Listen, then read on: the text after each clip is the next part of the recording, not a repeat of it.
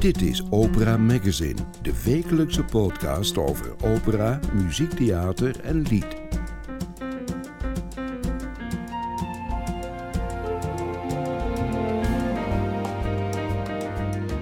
In deze aflevering van Opera Magazine hoort u hoe het sopraan Nicky Treurniet en mezzo Nina van Essen is vergaan sinds ze afstudeerden van de Dutch National Opera Academy.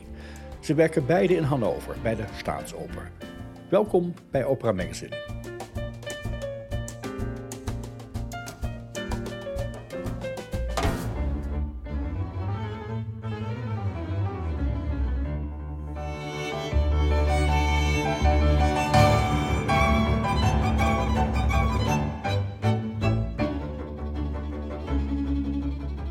Nicky Treurniet en Nina van Essen werden tijdens hun opleiding aan de Dutch National Opera Academy gescout door Christian Karlstedt voor de Staatsoper Hannover. Ze waren beide welkom bij het theater, zo bleek bij hun audities. Sinds een paar jaar zijn ze vast verbonden aan het huis. Aanleiding voor dit gesprek is de opera Le Nozze di Figaro van Mozart, waarin Nina de rol van Cherubino zingt en Nicky die van Susanna. Opera Vision streamt de première op donderdag 20 januari en houdt die opname nog tot de zomer beschikbaar op de website. Nicky Treurniet en Nina van Essen vertellen vanuit Hannover over hun ervaringen daar en de productie van Le Nozze di Figaro. Nicky was blij dat ze in Hannover de ruimte kreeg om als professional aan het werk te kunnen. Ik heb niet het gevoel dat ze je bij de hand nemen en zeggen: Nou, jongens, uh, dit is wat. Maar dat is eigenlijk ook prettig. Ik vind het ook wel fijn om niet meer als een student behandeld te worden. Nina nam in de eerste weken dat ze daar verbleef de tijd om de stad goed te leren kennen. Ik vind Hannover een hele prettige, warme, makkelijke stad. Ze zijn druk in de voorbereiding voor de première op 20 januari. Nina zingt in alle voorstellingen de rol van Cherubino. Nicky deelt die van Susanna met collega sopraan Sarah Brady. Die laatste zingt ook de première. Maar Hannover is niet ver, dus u kunt erheen om Nina en Nicky, die de meeste voorstellingen Susanna zingt, live te horen.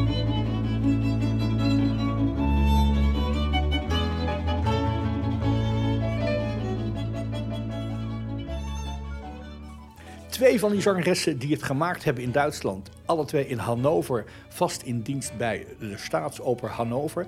Nicky Treurniet en Nina van Essen. Jullie zijn aan de lijn vanuit Hannover. Ieder vanuit je eigen huis zo te zien. Klopt dat, Nicky? Woon jij in dit huis waar je nu bent?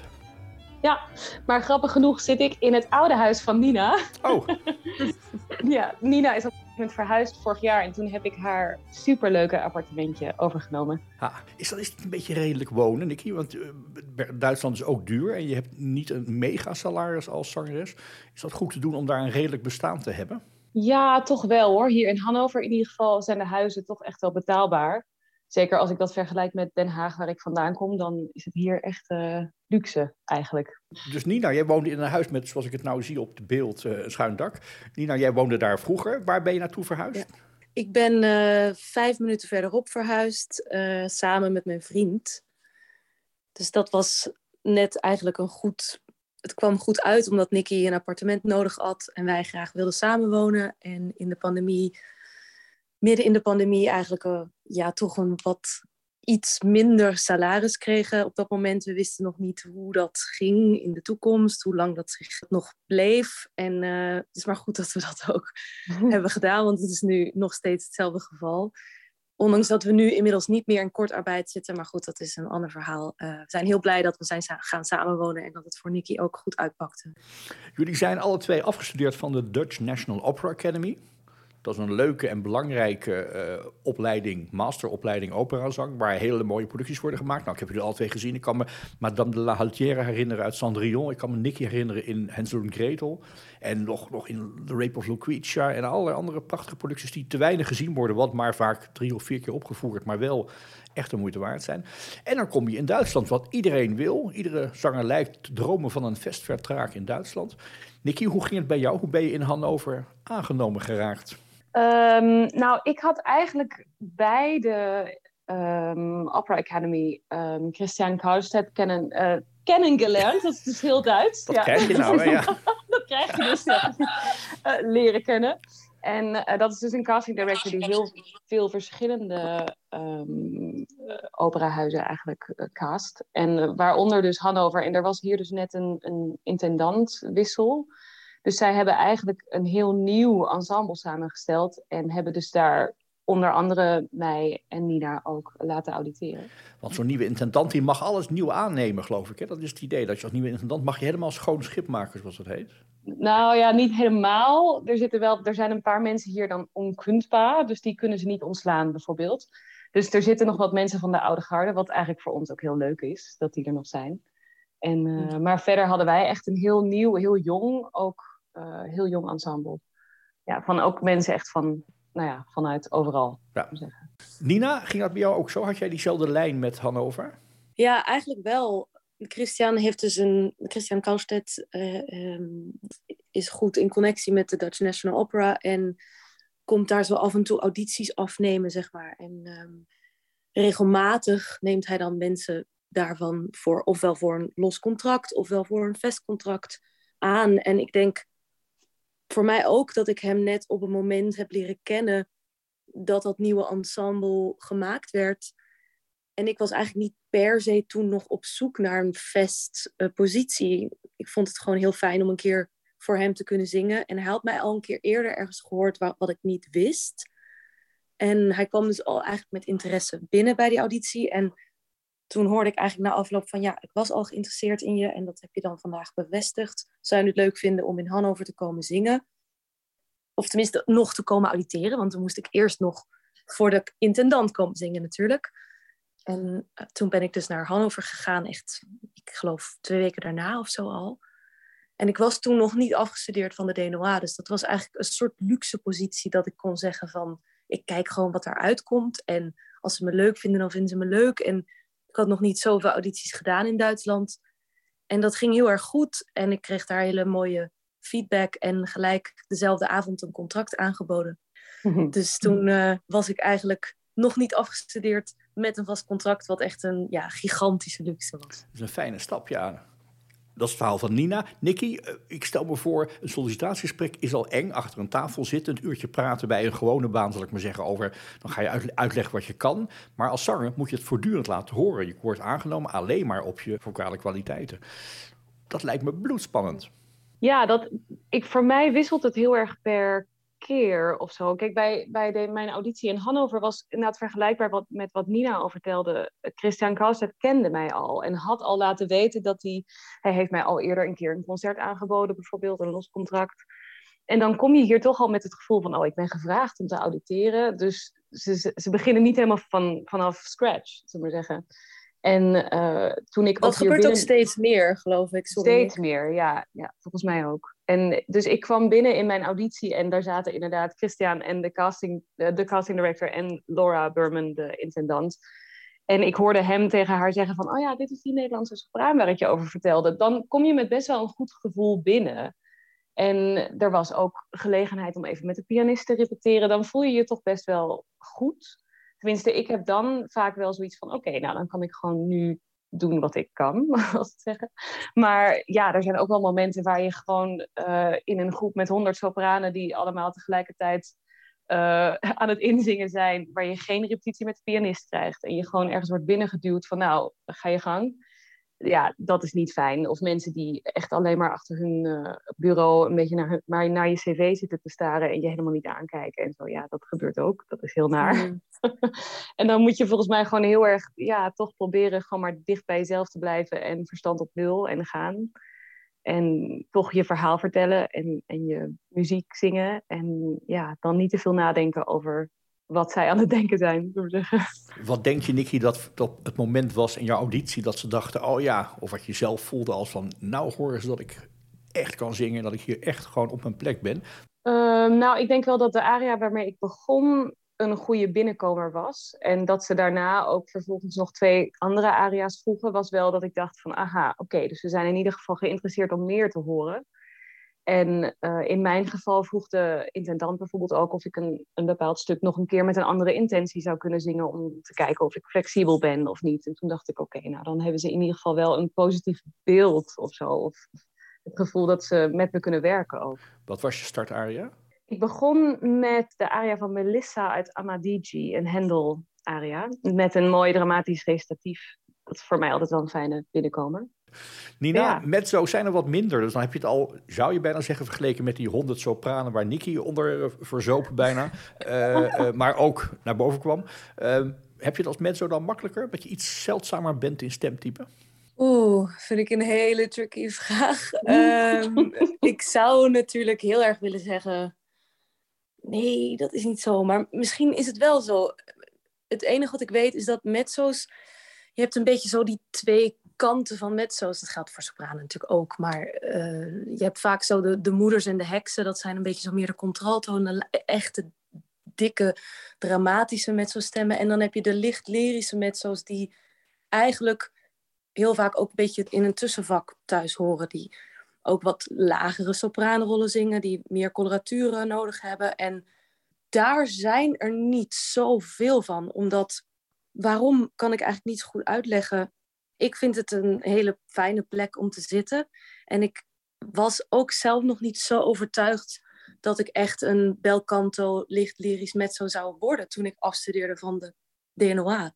Maar toen ik daar steeds meer in gekast werd, bleek wel dat ik daar eigenlijk heel erg thuis hoor. En dat ik Rossini, Mozart, Hendel eerst een heleboel jaren heel goed wil doen voordat ik naar een zwaarder repertoire wil gaan. Maar goed, dat was je vraag natuurlijk niet echt. Nou ja, het zegt iets um, over hoe je nadenkt over je eigen vakje stemtype in relatie tot wat er aan werk is. Jij zegt van ik zit in die tweede categorie, dat uh, de, de, lichtere mezzo, zwischenvach moet je dan zeggen. Um, wat koos je voor je auditie? Want dat zijn dan ook weer lastige keuzes lijkt me. Nou, ik koos eigenlijk waarvan ik wist dat ze er naar op zoek waren. Dus ik koos gelijk voor Dorabella. Koos die van Toeter, opening. Ja. ja, en daarna Rosina. En toen hebben ze me daarna nog een beetje Hendel gevraagd, wat eigenlijk niet per se op het programma stond. Of dat was misschien in, in het um, eerste instantie wel het plan, maar uiteindelijk niet, is niet doorgegaan. Uiteindelijk hebben we wel een Hendelproductie gedaan vorig jaar als een soort COVID vervangproductie. Maar daar was, was, ben ik eigenlijk totaal mee met mijn neus in de boter gevallen. Dat was niet origineel de planning. Ja. Maar het is misschien ook wel zo dat ik kan me voorstellen dat bijvoorbeeld sopranen zingen bijna nooit jongensrollen. Terwijl jij als mezzo natuurlijk zowel een Rosina zingt, waar je gewoon een mooie vrouw bent, maar ook jongetjes zoals Cherubino. Uh, dat, ja. heb ik, dat heb ik eigenlijk nooit. Dat ze moeten kijken van oké, okay, kan zij een vrouw of, en ook een jongetje spelen. Dat gebeurt mij niet. En bij nee, jou klopt. is dat Daarom... ook nog een kwalificatie. Ja, absoluut. Daarom wordt er ook vaak wel gevraagd of je dan een, iets, ja, of je dan een broek aan kunt trekken. Dat ze ook echt kunnen zien hoe dat bij je staat. Echt letterlijk? En, ja. Het wordt wel geadviseerd. Het is niet altijd nodig hoor. Maar ja, ik vind het zelf ook fijn om te kunnen laten zien van... hé, hey, ik ben speels. En ik, ik ben graag op het podium een speels karakter. En dat is ook wel iets waar ik heel veel vreugde uit haal. Daar komen we vast wel op terug, want je zingt Cherubino in die Nozze di Figaro. Dat is de aanleiding voor dit gesprek. Hè. Productie van de Staatsoper Hannover, die op 20 januari in première gaat en meteen wereldwijd te zien is. Helaas zonder Nicky, want Nicky zit in die dubbelrol. En net die avond sta jij, Nicky, niet gepland. Nou, daar komen we nog op terug. Um, dan heb je een baan in Duitsland hele banale vraag, maar uh, wie verstuurt jouw loonstrook? Is dat de gemeente? Want je bent een staatsoper. Komt dat uit Berlijn? Waar, welk adres staat er op je loonstrookje? Nee, dat is gewoon de, de staatsoper in Hannover. Ah, je bent in dienst van de staatsoper. Uh, bij, zeg maar, ik vergelijk het maar even met een gewoon bedrijf. Dan is er een afdeling personeelszaken. Er is een inwerktraject. Je krijgt mapjes op je bureau die je moet gaan lezen om te weten wat je werk gaat inhouden. En je gaat collega's leren kennen. Is dat bij een operahuis heel anders? Of is dat ook zo'n bedacht traject om je in te laten werken in de organisatie en in het werk? Nicky, hoe ging dat bij jou? Jeetje. Nou ja, ik heb natuurlijk nooit voor een, laten we zeggen, normaal bedrijf gewerkt. Maar, um, maar ik denk dat het wel anders is. Ja, ik heb wel het gevoel gehad dat wij redelijk snel gewoon in het diepe werden gegooid. Uh, weet je, onze eerste productie, ja, volgens mij ook van jou, was Die Zauberfleuten. Mm. Waar ik mijn eerste Pamina zong, uh, wat een nieuwe rol was voor mij. En dat was een, een wiederaufname, dus een productie die al stond. En nou ja, dat je, dan krijg je gewoon twee weken met een assistent om, om die regie te leren, wat op zich prima is. Maar dat is niet meteen de meest inspirerende manier van werken. En ook een manier die we in Nederland eigenlijk helemaal niet kennen, of niet echt. Dat gebeurt heel weinig. Dus ja, ik had wel het gevoel dat je gewoon, je moest gewoon meedraaien. En dat ging prima. En gelukkig hadden we ook heel veel hele lieve collega's die allemaal nieuw waren. Dus voor ons was het allemaal een nieuwe productie. En dat was natuurlijk heel leuk. Maar ik heb niet het gevoel dat ze je bij de hand nemen en zeggen: Nou, jongens, uh, dit is wat. Maar dat is eigenlijk ook prettig. Ik vind het ook wel fijn om niet meer als een student behandeld te worden, om het zo maar te zeggen. Maar er zijn, ja, weet je, het hele systeem bijvoorbeeld van coaches hier in zo'n operahuis, pianisten die je helpen met de muziek, dat is iets wat ik vanuit Nederland eigenlijk helemaal niet echt kende. Dat je als het ware door een coach wordt klaargestoomd voor een rol en dat zij ook als het ware kunnen zeggen, nou, je bent er klaar voor of niet. Dat is in, ik was als freelancer in Nederland veel meer gewend om alles zelf te doen. Um, dus in die zin word je dan wel weer bij de hand genomen, muzikaal gezien bijvoorbeeld. Maar gewoon van hoe het systeem werkt, nee, dat, ik denk dat we dat wel redelijk zelf hebben moeten uitvogelen. Hoe deed je dat, Nina? Want je moet ook in zo'n stad wennen. Je moet weten waar de supermarkt is. Je moet weten waar het postkantoor zit. Hoe de tram werkt, als er een tram is in Hannover. Uh, is daar met collega's, ga je met collega's veel um, in het café zitten? In die tijd kon dat nog om te praten over hoe werkt dat hier? Of is dat iets wat je gewoon uitzoekt en wat helemaal ondergeschikt is aan je werk? Um, zeker met de collega's. Nogmaals, wat Nicky ook al zei, we hebben een hele leuke jonge groep met mensen die eigenlijk veel van ons net uit school komen. En ja, gewoon heel erg klaar zijn om een avontuur aan te gaan. En dus hebben we met z'n allen eigenlijk, zeker toen dat, jeetje, toen het nog kon, um, gewoon ja, als malle met elkaar een gigantische vriendschap aangegaan. En daar, daar ben ik nog steeds echt heel erg blij mee. En los van of je nou met iedereen beste vrienden bent, heb ik daar regelmatig heel veel aan gehad. Dat wij elkaar eigenlijk ja, berichten van, oh, wist je dat, je dat je drie maanden moest wachten voor je bij het burgerambt een afspraak hebt? Oh, dat is niemand, niemand heeft mij dat gezegd. En dat, ja, dat zijn van die dingen, dat, dat, daar moet je gewoon eigenlijk dan met elkaar achterkomen. En het was wel fijn geweest als er misschien een file was geweest waar ze zeggen van, joh, doe dit en dit en dit en dit en dit op tijd. Maar dat was er niet. dus we hebben eigenlijk alles met elkaar bij elkaar gepuzzeld. En zo erg is dat ook niet, wat Nicky ook zegt. Dat is ook leuk of zo. En ik heb ook al eerder in een ander land gewoond. En ja, de meeste mensen hebben dat ook al wel eerder gedaan. En het hoort ook wel een beetje bij het zangersleven om, om je eigen puzzel bij elkaar te rapen. En uiteindelijk, ja, als iemand echt heel erg hulpbehoevend is met een bepaalde situatie, dan is de KBB hier eigenlijk altijd heel erg bereid om te helpen. Wat is de KBB? De Künstlerische Betriebsbureau. Dat wist ik eigenlijk niet eens waar dat voor stond. Oh nee? nee. Dat is gewoon eigenlijk het kantoor die gaat over roosters en, en administratie en zo. Daar kun je eigenlijk altijd terecht. En die zijn allemaal heel vriendelijk. En die hebben overal contacten. En je, je wordt nooit helemaal je lot overgelaten. Maar ja, ik, ik heb best wel gauw in Hannover... Ik had ook een eerste maand nog vrij voordat ik hier begon. In augustus. Dus toen ben ik die hele maand eigenlijk hier gaan fietsen en wandelen en door de stad gaan lopen. En ik, dat huis waar Nicky nu dus woont, was daarvoor ook van een operazanger die hier werkte. Die heeft mij ook een heleboel adressen gegeven en dingen die hij... Hij heeft hier geloof ik zes jaar gewoond of zo. Dus dat gaat al vrij snel. Hannover is ook niet zo gigantisch. Dus ja, dat ging eigenlijk heel makkelijk. Ik vind Hannover een hele prettige, warme, makkelijke stad. Ben je dan ook een soort lokale ster? In Nederland ben je als operazanger, zangeres een paar weken in Amsterdam of in Enschede of in Maastricht, dan ga je weer weg.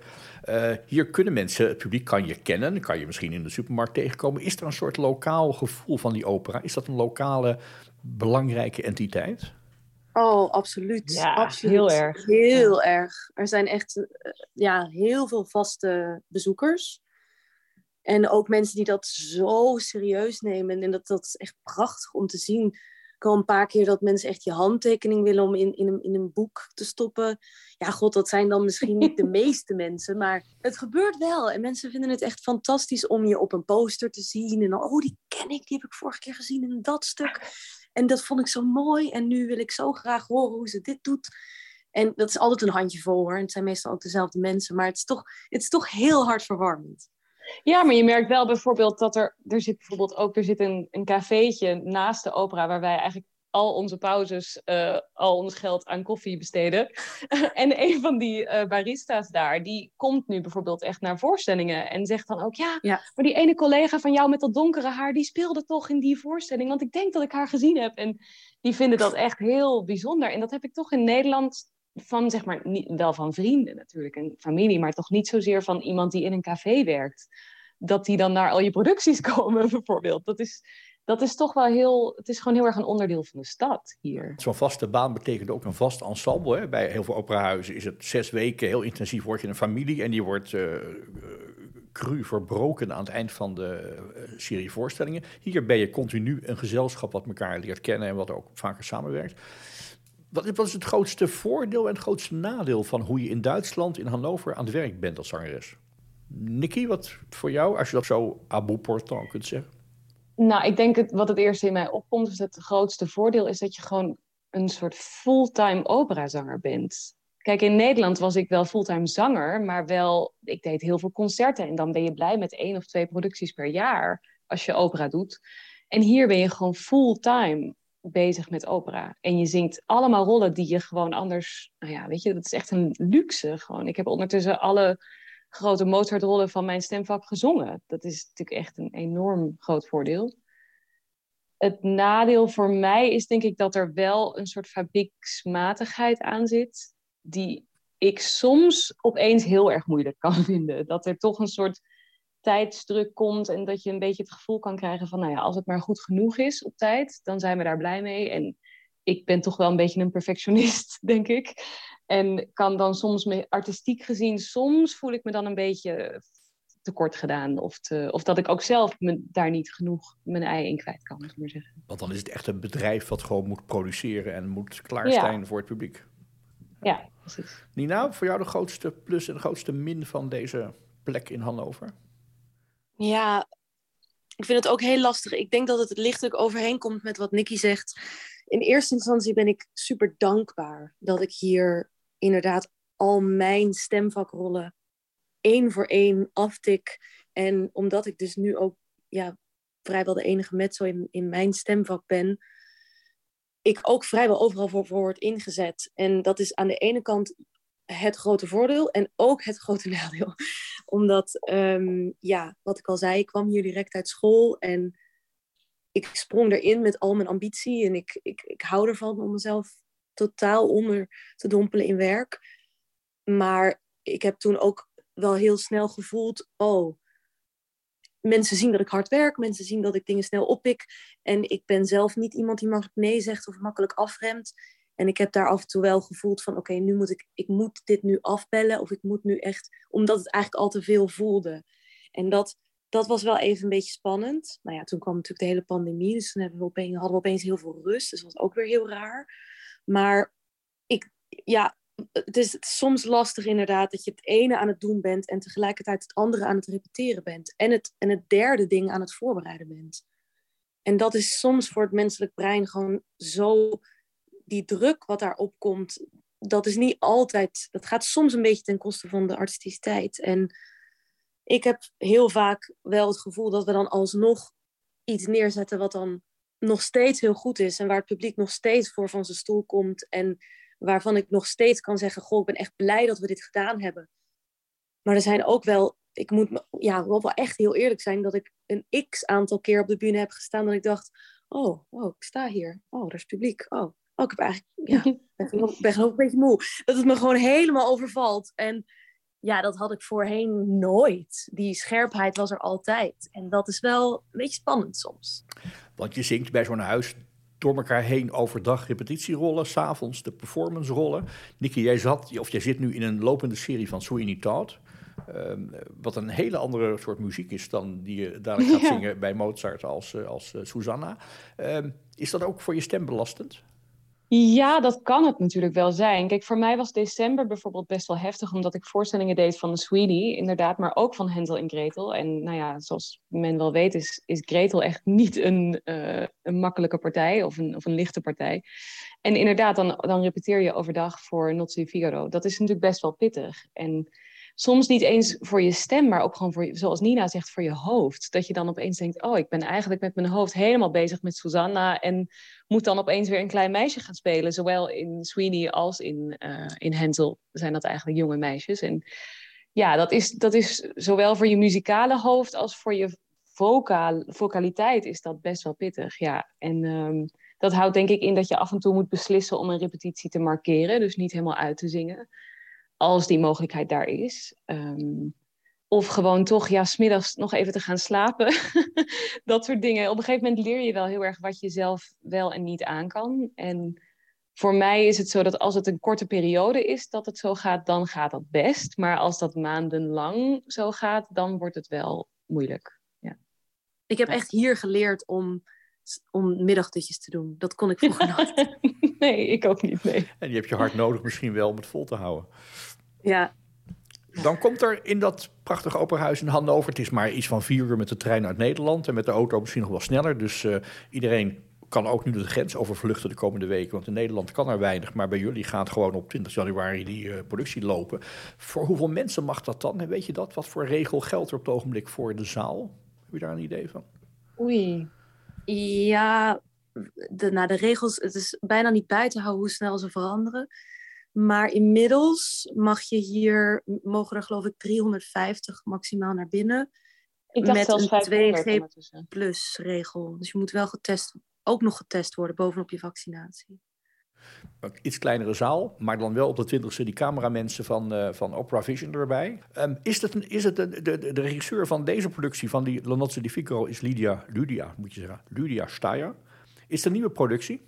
Ja. ja. Nicky, um, um, hoe begint zoiets? Conceptbespreking? Conceptionsgesprek, ah. ja zeker.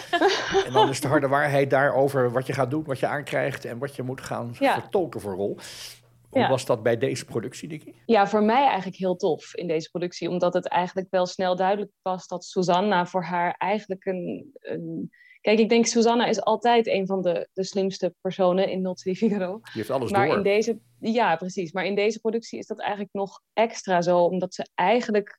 Eigenlijk speelt alles zich een beetje af in Susanna's herinnering. Of haar, in haar hoofd eigenlijk, in haar gedachten. Dus het gaat ook echt heel erg om haar. En zij wil van Susanna ook absoluut niet een onschuldig um, huis, housemaid, hoe zeg je dat, um, maken. Maar echt een, een, een slimme, zeer zelfbewuste vrouw. Dus dat, dat was voor mij eigenlijk heel leuk om te horen. En de kostuums zijn heel mooi en, en uh, zeg maar ouderwets met een soort klein vleugje hipheid. Dus het is eigenlijk heel tof. Uh, dus voor mij was dat eigenlijk heel leuk. Wat voor sfeer zien we op de bühne? Oh, we zien een heel mooi oud, groot landhuis. Uh, met, met grote kostuums, met onderrokken en corset en Pruiken. pruiken. Ja, pruiken. En, ja. Dus lang in de schmink? Voor mij niet zo, omdat ik natuurlijk een, een inderdaad de, de housemaid, ik weet even niet het Nederlandse woord ervoor. Nee. Wat is Uh, dienstmeisje. dienstmeisje, inderdaad. Dus ik heb een heel simpel, simpel, simpele make-up, simpel haar en zo. Maar bijvoorbeeld de, de Contessa is uh, best wel, um, die zit wel even in de make-up, denk ik, ja. Ik geloof alle adellijken worden zo, zo heel wittig, blank, traditioneel uh, Ja, met grote pruiken en zo. Ja, Ja, want de Notse is natuurlijk een beetje een upstairs-downstairs verhaal hè, over de mensen, uh, uh, de adel die uh, het kasteel bewoont met de graaf en de gravin. En het personeel waaronder Susanna en Figaro, die dan nou ja, dingen, avonturen meemaken. Nina, jij zei, we begonnen even over jouw rol. Ik zie jou minder gauw als een stoere knaap, zonder dat je daar heel erg je best voor moet doen, uh, dan, uh, dan sommige andere mezzo's. Is het dan extra uitdagend? Is het nieuw? Is Kirubino nieuw voor jou? Heb je hem al eens gedaan? Oh, hoezo zie je mij niet als stoere knaap? Nou ja, ik, ik, heb nog in mijn hoofd het beeld van Madame de la Haltière, een buitengewoon stijl voor Oh, een mevrouw jeetje, in, ja. uh, in Cendrillon. En de stap van Ja. Madame de la Haltière naar Cherubino is best een grote. Ja, god. Eh, dat was ook wel wat, hè, dat ik dat opeens moest doen. Dat was natuurlijk eigenlijk gewoon, eh, het is eigenlijk gewoon, ja, toch wel wat oudere vrouw die rol. Maar goed, dat viel in mijn schoot en ik heb het aangenomen en dat was ook helemaal prima. Het was heel hilarisch eigenlijk, omdat ik toen echt, wat was ik nou, 21 of zo? Nou ja, goed, whatever. ja je Ehm, speelde mijn stiefmoeder. Ja, echt heel, heel weird. En maar nee, ik, ik, vind, ik vind eigenlijk... Ja, god, ik heb wel echt een vrouwelijk lichaam. Maar ik, ik- daar is ook heel veel aan te doen trouwens met kostuum en zo. Maar ik vind het heel leuk om jonge jongetjes te spelen. Ehm, vooral omdat het zo speels is. En omdat je gewoon mag huppelen en rennen en, en springen. En je hoeft, je hoeft minder in het zeg maar, traditionele corsetgedrag te lopen. Omdat de rol gaat. Omdat jij alles een beetje ja, te speels aanpakt, zeg maar. Net als Hensel eigenlijk dat doet. Een beetje stout gedrag, zeg maar. En dat is gewoon heel leuk. En wat voor Cherubino ga jij zijn in deze productie van die Lydia Shire? Ja, eigenlijk een hele gemene en een hele... Nou, gemeen niet, maar snobby, veel te rijk opgegroeid. Hilgersberg, jochie, zeg maar. Hilgersberg is een chique wijk in Rotterdam, weet ik uit ervaring. Dus het is geen, het is, het is geen straatschoffie, maar een, een verwend knaapje. Een verwend knaapje, ja, absoluut. Hoe ga je eruit zien? Heb je daar al een beeld van? Ja, ja, absoluut. Ik ben dus um, ja, opgegroeid eigenlijk in het, in het adellijk, uh, in, in dat huis rondom al die adellijke mensen die zich zo gedragen, wat eigenlijk uiteindelijk helemaal wordt stripped down wordt door Lydia. Ze wil laten zien hoe dat gedrag zich niet, dat het niet haalbaar is om dat nog voor te zetten. En dat eigenlijk iedereen op een gegeven moment. Um, ja, dat die, dat adellijke gedrag eigenlijk niet duurzaam is. En dat, daar dus, dat dat helemaal uit elkaar valt aan het einde. En, en dat is ook het, het, decor daardoor uiteindelijk helemaal uit elkaar uh, valt en in brand gaat. En het is een best dramatisch einde. Maar ik in particular begin heel erg zoals de count. Dezelfde soort kleding, hetzelfde lange mooie geborduurde jas en grote pruik. En dan word ik als soldaat aangekleed. Want je moet naar het leger om uit de buurt te komen hè, van de gravin. Precies, precies. En dan krijg ik een panzer en dan word ik eigenlijk door Figaro, die in dit verhaal veel meer de bad guy is eigenlijk. Die alles een beetje oploopt te stoken. Wat natuurlijk wel ja, in Figaro's karakter zit eigenlijk. Wat heel veel mensen zien als heel charmant, maar eigenlijk ook gewoon ja, heel erg irritant kan zijn. En Lydia haalt dat in Figaro vooral naar boven. Dus in de Nompjan Draai, wat meestal heel grappig en komisch is, dat hij zegt, oh, nu is het klaar met al je uh, butterfly gedrag. Um, is hij eigenlijk heel agressief naar mij. En moet ik push-ups doen en word ik naar de grond geduwd. En uh, het is best wel heel heftig. En we hebben een bewegende set, dus we komen heel vaak ja, met nieuw, nieuw stuk decor komt oprijden terwijl het andere afgaat. Zeg maar. Dus in het einde van die scène moet ik, moet ik wel, terwijl ik push-ups doe, word ik het uh, van het decor afgereden. Dus dat is echt wel een hele leuke scène. en dan heb ik nog een vrouwenkostuum als ik als vrouw aangekleed word. Ja, want dan moet je een vrouw zijn die een man speelt die een vrouw speelt. Hoe doe je dat? Ja, dat is heel leuk eigenlijk. Dat is wat Kirobino zo leuk maakt. En ik heb een heleboel producties gezien waarin ze dan het vrouw zijn heel erg echt heel erg ja, als een vrouw weer portretteren. Dat je eigenlijk helemaal vergeet dat Cherubino ooit een man was. Dat het een soort nieuw karakter wordt. En Lydia wil dat niet. Ze wil echt, echt dat ik dat heel erg nog als jongetje blijf spelen. En dat ik dus ook nog steeds heel erg opgewonden raak van alles wat ik zie. En opeens tussen al die vrouwen sta en zo. Wat eigenlijk alleen maar heel leuk is voor mij. Dus ja, hoe doe je dat? Uitproberen. En gewoon kijken of je te ver gaat of niet. En Lydia is naar mijn mening heel erg iemand die de grenzen opzoekt. En ze wil eigenlijk eerst bijna te banaal en, en te, te op de grens van... Oké, kan het publiek dit aan? En dan haalt, halen, kijken we of we het terug kunnen halen. Dus er zijn, uh, soms komen er opeens dierengeluiden vanuit het niks. En er wordt, er wordt gevochten. Um, ik moet een, tegen de tafel aan uh, rijden. Het is best wel gewoon best intens. maar ik denk dat zij sowieso ook uh, heel erg, ook bij ons, ons spel, heel erg de grenzen opzoekt. Zoals we een ja. van de laatste repetities in de, in de repetitieruimte, voordat we de bühne opgingen, was, deden we de laatste scène, die gewoon ontzettend emotioneel is. En zij zocht ook bij ons heel erg de grens op van hoe ver kon ze gaan, totdat inderdaad in ieder geval ik en de graaf, maar ook de rest van het team gewoon in tranen uitbarsten. Letterlijk. gewoon, ja, letterlijk, ja. Ja. En ik denk dat zij, natuurlijk is dat uiteindelijk niet wat ze wil dat er gebeurt op de bühne. Maar ik denk wel dat ze wil dat wij daar proberen te komen. En om dan vervolgens een stapje terug te kunnen doen. Zodat je nog gewoon je partij kan zingen en nog iets kan overbrengen. In plaats van dat je zelf alleen maar ehm, die emoties voelt, als het ware. Ik denk dat dat heel erg haar stijl is ook, om, om, om die diepte op te zoeken. En inderdaad heel erg de grenzen van wat kan het publiek aan, maar ook wat kunnen mijn zangers aan. Ja. En is dat prettig? Ja, ik denk het wel. Ik, ik Ja, die vind dat uitdaging prettiger. Ja, die uitdaging vind ik prettiger dan dat iemand te weinig van je vraagt. Ja, Dus je wordt echt onder druk gezet om het beste te- uit jezelf te halen. ja dat denk ik wel. Ja, dat zou ik ook wel zeggen. Ja, onder druk misschien niet, maar ze wil wel in een combinatie van het uit jou trekken en het jou zelf daar laten komen. Dat kan Mhm. zij heel goed. En dat vind ik echt heel tof. Nicky, jij gaat de komend seizoen nog Greek Passion van Martinou zingen. Nee, die is gecanceld helaas. Ach, vanwege corona? Ja, dat is gewoon een, een productie die helaas al twee jaar achter elkaar gecanceld is, omdat het gewoon een hele grote productie is met heel veel mensen op de bühne. En dat kan eigenlijk gewoon nog niet. Dus helaas is die eh, afgezegd. Der Vampure gaat hij wel door? Dat gaat door, ja, waarschijnlijk wel. En eh, ja, verder is dus de rest van mijn seizoen eh, nog een beetje rustiger dan eh, was voorspeld. Hopelijk binnenkort weer gewoon op volle kracht. Nina, Ja. jij gaat Il Barbiere, jij gaat Rosina zingen, denk ik, in Il Barbiere di Sevilla. En nog in Midsummer Night's Dream. Ja, Hermia. Ja. ja, Rosina heb ik vorig jaar ook gedaan. En ehm, ja, ik kijk er heel erg naar uit om dat weer te herhalen. Het komt waarschijnlijk het seizoen daarna weer terug. En dat is gewoon een rol voor mij, die moet ik gewoon... Dan moet ik midden in de nacht van wakker kunnen worden en het kunnen zingen, zeg maar. Het is gewoon, dat is wel een signature rol voor mij. Maar, en ik zei het al, vier uurtjes rijden vanuit Nederland, waar Amersfoort als eh, vertrekpunt neemt, zit je in Hannover. Iedereen kan daarheen, want de zaal is open, er is publiek. Eh, er zijn nog een aantal voorstellingen van, eh, ik geloof acht of negen voorstellingen van Le Nozze di Figaro. En als je mazzel hebt, dan zie je Nicky in de rol van Susanna. En als je pech hebt, is het die andere zangeres, die ook heel mooi zingt. Maar we gaan natuurlijk voor Nicky. Nina is er altijd als Cherubino.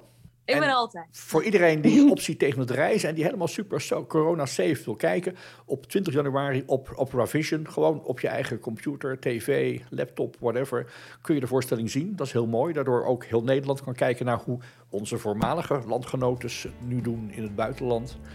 En eh, het was leuk om dat van jullie te horen. Nicky en Nina, dankjewel. Ja, dank jou. Dank je wel. Graag gedaan. Zo, Jij bedankt. punt. Dit was Opera Magazine, productie François van den Anker. Meer informatie en de volledige opera-agenda vindt u op www.operamagazine.nl.